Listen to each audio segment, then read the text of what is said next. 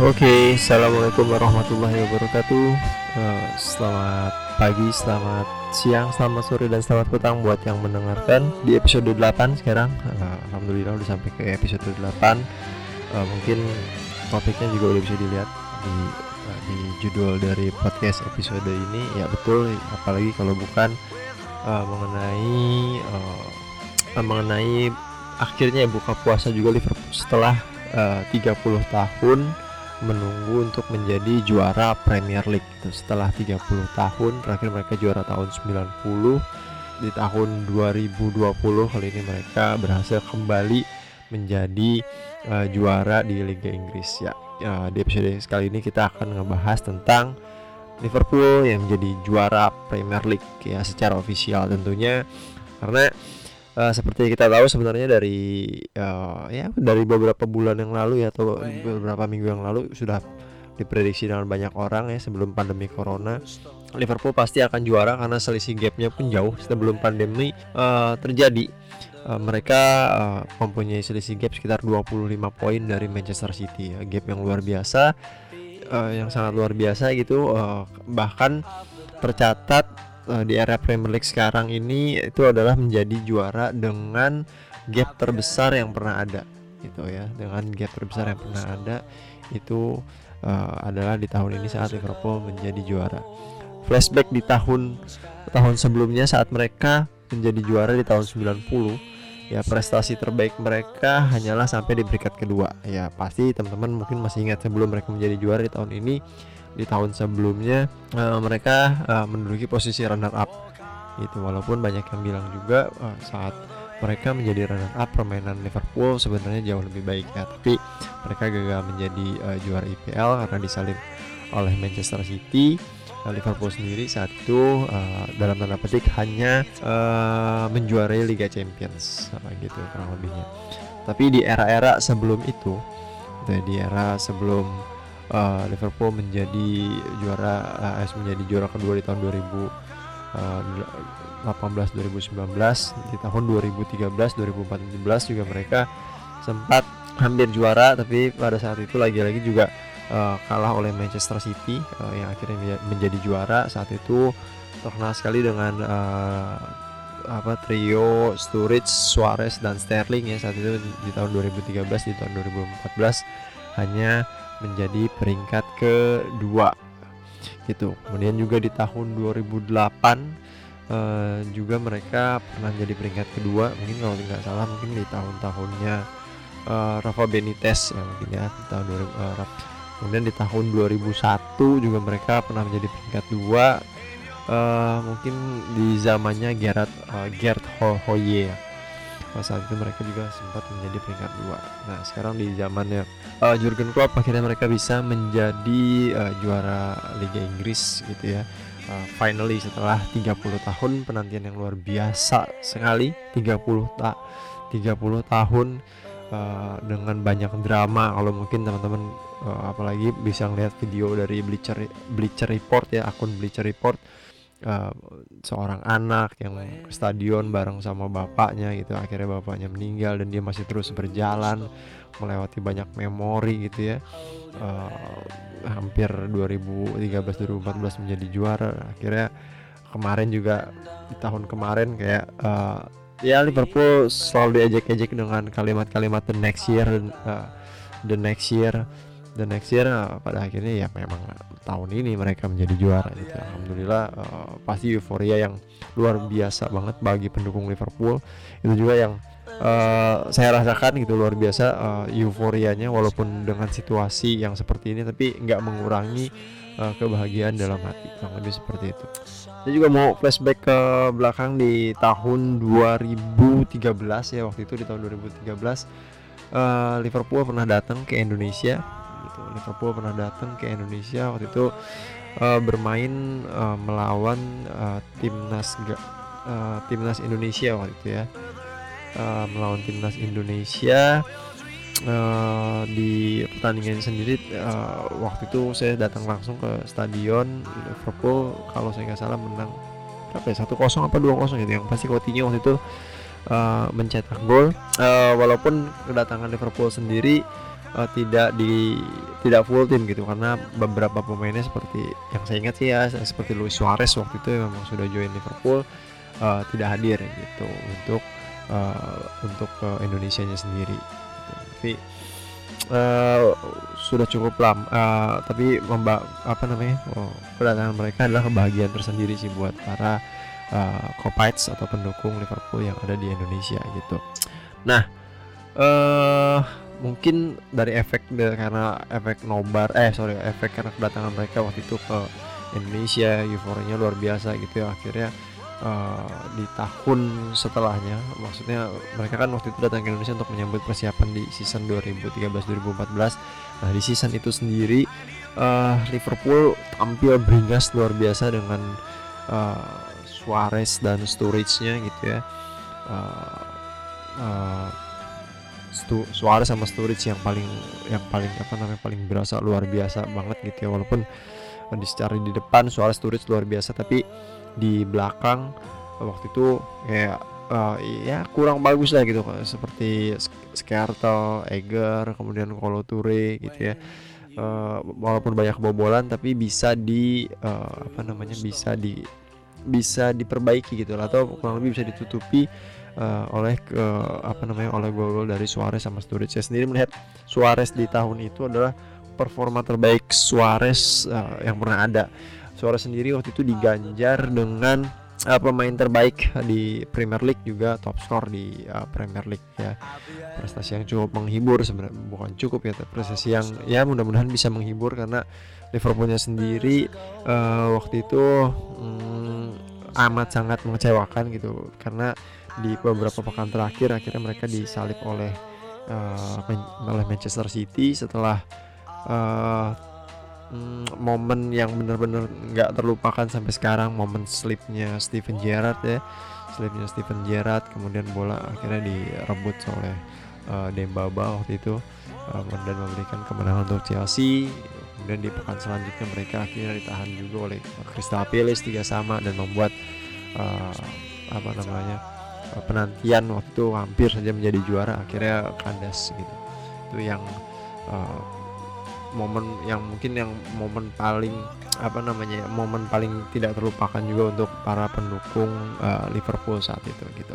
Oke kemudian uh, semuanya kira-kira um, uh, di tahun berikutnya setelah uh, tahun berikutnya setelah Liverpool hanya menduduki di peringkat kedua waktu itu Suarez luar biasa dan performa luar biasa ditaksir oleh Barcelona dan ditransfer ke Barcelona gitu ya hmm, buat saya sendiri tuh suatu kesedihan sekali gitu karena uh, Suarez uh, goal getter dari Liverpool gitu ya di musim itu mungkin tanpa Suarez mungkin Liverpool bukan apa-apa ini gitu. mungkin juga sampai ke peringkat kedua itu berkat performa dari uh, Luis Suarez sendiri yang pada akhirnya harus sengkang ke Barcelona. Sengkang ke Barcelona uh, Liverpool sendiri cukup apa namanya uh, cukup banyak membeli pemain untuk coba menggantikan Luis Suarez. Walaupun ya kita tahu sendiri uh, apa namanya uh, benar-benar bisa dibilang gagal total gitu ya pembelian-pembelian dari Liverpool seperti pemain-pemain mediocre semua yang dikumpulin oleh Brendan Rodgers waktu itu uh, seperti uh, Mario Balotelli waktu itu kemudian uh, Ricky Lambert Adam Lallana kemudian uh, Markovic gitu ya nama-nama yang uh, akhirnya benar-benar bisa dibilang gagal total gitu benar-benar gagal total uh, sama sekali uh, apa namanya sama sekali bisa dibilang tidak memberikan kontribusi apa pun tidak bisa menutupi uh, perform uh, tidak bisa menutupi kepergian dari Luis Suarez. Sturridge sendiri waktu itu banyak dibekap cedera ya. Catatan buat Sturridge sendiri setelah season itu pun sebenarnya bisa dibilang Sturridge itu redup ya. Ya bisa dibilang makin ke sini makin redup setelah ditinggalkan oleh Luis Suarez sendiri. Dan pada musim ketiganya ya kalau saya nggak salah pada musim selanjutnya. musim keempat atau ketiganya Brandon Rodgers uh, di tengah musim di Oktober akhirnya digantikan oleh uh, Jurgen Klopp setelah banyak mengalami hasil minor gitu. Nah, uh, saya sendiri waktu itu mengikuti kedatangan dari Jurgen Klopp ke Liverpool ya dari media sosial waktu itu uh, ada euforia tersendiri gitu keinginan fans Liverpool untuk mendapatkan Jurgen Klopp ya Jurgen Klopp sendiri setelah berpisah dari Dortmund sempat tidak mempunyai klub banyak banget klub yang tertarik untuk menggunakan jasanya tapi akhirnya dia memilih Liverpool. Ya seperti kita tahu sendiri mungkin adalah salah satu alasan Jurgen datang ke Liverpool karena uh, Jurgen adalah salah satu fans Liverpool gitu ya. Uh, salah satu uh, pengagum dari uh, Liverpool sendiri gitu ya kagum oleh uh, apa namanya oleh uh, sejarah dari sejarah besar dari Liverpool sendiri. Akhirnya Jurgen Klopp bergabung di 2015 dan bisa dibilang merubah segalanya walaupun tidak dalam waktu yang instan ya. The Normal One merubah Liverpool secara perlahan-lahan menjadi tim yang benar-benar disegani uh, uh, cara bermain uh, di bawah Jurgen Klopp benar-benar uh, berbeda dari di bawah Brendan Rodgers uh, mental yang dia buat saat dia datang Liverpool juga benar-benar ditanamin secara luar biasa spiritnya luar biasa kedekatan dengan pemain juga luar biasa yang kita tahu ya uh, uh, dengan pelukan klub sebelum dan sesudah pertandingan yang sangat-sangat terkenal uh, itu juga bisa dibilang merubah mentalitas dari uh, apa namanya dari Liverpool sendiri. Nah, semenjak kedatangan klub sendiri nama-nama uh, yang lumayan bersinar waktu itu mulai melirik uh, untuk mau join sama Liverpool ya. Seperti kita tahu seperti uh, dengan datangnya Jurgen Klopp orang sudah menotis gitu ya. Maksudnya pemain-pemain bintang mungkin sudah bisa menotis bahwa Jurgen Klopp adalah pelatih penyerang gitu. Nggak mungkin dia main dengan uh, cara bertahan mungkin seperti Jose Mourinho nggak sama sekali. It's not uh, his style gitu. Uh, Jurgen uh, nama-nama seperti Mane didatangkan kemudian uh, di musim berikutnya ada Salah itu Wijnaldum didatangkan gitu. Uh, luar biasa waktu itu uh, apa namanya nama-nama tersebut bisa hadir di di di Liverpool. Walaupun sempat ada keraguan saat Coutinho akhirnya juga untuk memutuskan pergi dari uh, Liverpool untuk bergabung da dari Barcelona. Tapi justru di situ adalah titik baliknya karena kepergian Coutinho akhirnya mendatangkan Alisson Becker dari AS Roma dan Virgil van Dijk dari Southampton itu merubah segalanya pada akhirnya pada tahun 2000 19 sendiri Liverpool menjadi juara Liga Champions gitu. Nah untuk di tahun ini sendiri waktu itu uh, untuk di tahun ini sendiri waktu itu banyak muncul keraguan juga karena setelah menjadi runner up lalu di season selanjutnya orang-orang berharap Liverpool akan melakukan pembelian yang uh, diharapkan atau pembelian fantastis tapi tidak sama sekali Klopp Klopp benar-benar kayak percaya sama tim yang dia ada saat itu gitu ya. Uh, saat mereka menjadi runner up di Premier League dan saat menjadi juara Liga Champions. Tidak ada nama-nama beken yang dia datangkan gitu. Uh, apa namanya Liverpool hanya mendatangkan pemain-pemain muda seperti Elliot, kemudian Vandenberg dan mencari uh, pengganti dari Simon Mignolet uh, yang hengkang ke negeri asalnya ke Belgia uh, digantikan dengan uh, Adrian. Banyak yang meragukan saat itu tapi justru di situ adalah kunci permain dari Liverpool sendiri.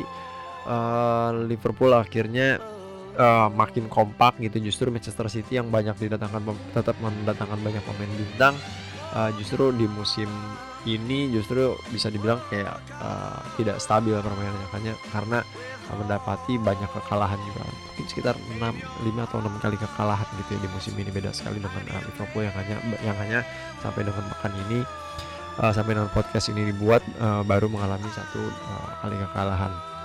Uh, di musim ini juga uh, Liverpool mencatat uh, invincible terbaiknya ya dengan 46 laga tanpa kalah di Premier League. Memang tidak bisa mengalahkan 49 invincible-nya Arsenal gitu tapi untuk klub record sendiri adalah yang pertama mereka bisa 46 uh, tanpa kekalahan sebelum dipatahkan oleh Watford waktu itu ya kemudian juga mencatatkan most home wins games ya. Jadi uh, paling banyak uh, menang di kandang sendiri dengan 23 kali kemenangan luar biasa.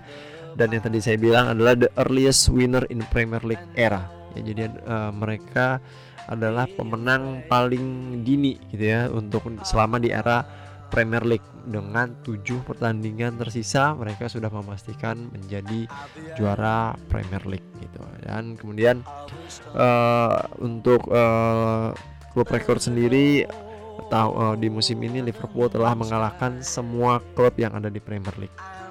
ya semua klub sudah dikalahkan oleh mereka ya walaupun hitungannya tidak selalu home away gitu tapi mereka sudah berhasil mengalahkan musuh-musuh mereka di yang League sendiri kira-kira begitu cerita dari uh, Liverpool uh, saya sendiri sebagai seorang fans Liverpool merasakan turut merasakan bahagia dan euforia yang luar biasa setelah harap harap-harap cemas oleh pandemi corona kemarin dan menghadapi banyak troll gitu ya dari uh, dari dari sesama fans lain seperti The Next Year, Sleepnya Gerard dan segala macam gitu. Tapi ya yeah, that's uh, if you're live in the football gitu in as a football fans ya harus terima dengan troll-troll seperti itu. Dan pada akhirnya bisa merasakan kebahagiaan juga Liverpool menjadi juara setelah menunggu 30 tahun menjadi Premier League. Ya uh, hmm, that's all uh, untuk episode 8 podcast kali ini. Uh, lebih lebih seperti kayak sesi cerita dan curhat sebenarnya uh, semoga teman-teman yang mendengarkan bisa menambah informasi juga dari apa yang saya sampaikan pada podcast di episode ke-8 ini. Uh, semoga uh, teman-teman suka untuk episode kali ini. Jika ada kritik dan saran boleh WhatsApp, DM email yang bisa dilihat di deskripsi dari uh, podcast ini. Uh, ya, sekian dan terima kasih. Uh, Assalamualaikum warahmatullahi wabarakatuh. Uh, Assalamualaikum warahmatullahi wabarakatuh. Bye.